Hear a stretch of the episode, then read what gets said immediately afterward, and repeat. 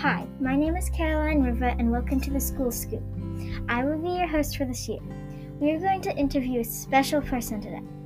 Give it up for Gertrude Gary. She's a scientist from England and she specializes in water, mostly ancient water, like water that has come from dinosaurs. Gertrude, would you like to tell us a bit about your studies? Yes, I have figured out how water has traveled around the world. Maybe the water that you are drinking right now bounced off a pterodactyl's wing and into a T Rex's mouth. Wow, that's so interesting, Gertrude. Has water been through cycles its whole time it's been on Earth? Yes, it has been here from the start of time and will most likely be here to the end. Hmm. Wow, that's so fascinating. How long have you been studying water? About 15 years. Cool, so you must know a lot about water. Yes, I guess I do. Okay, I have two more questions for you.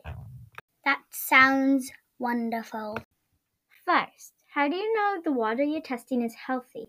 I know it's healthy when I test for animals in the water and when I find benthic macroinvertebrates.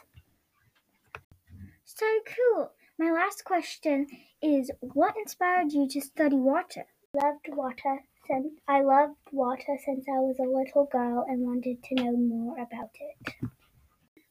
So interesting. But doesn't it gross you out a bit knowing what lives in the water and grows?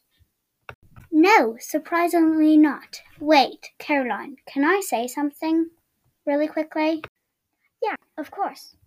Okay, so if you decide to be a scientist of water, you will learn how much salt, frozen freshwater, and freshwater there is in the world. Caroline, do you think there is more freshwater in the world or salt? Um, I will go with salt water in the world. Ding, ding, ding. You are correct. There is definitely more salt water in the world than fresh. Okay, that's it for today. See you at the next episode of the School Scoop.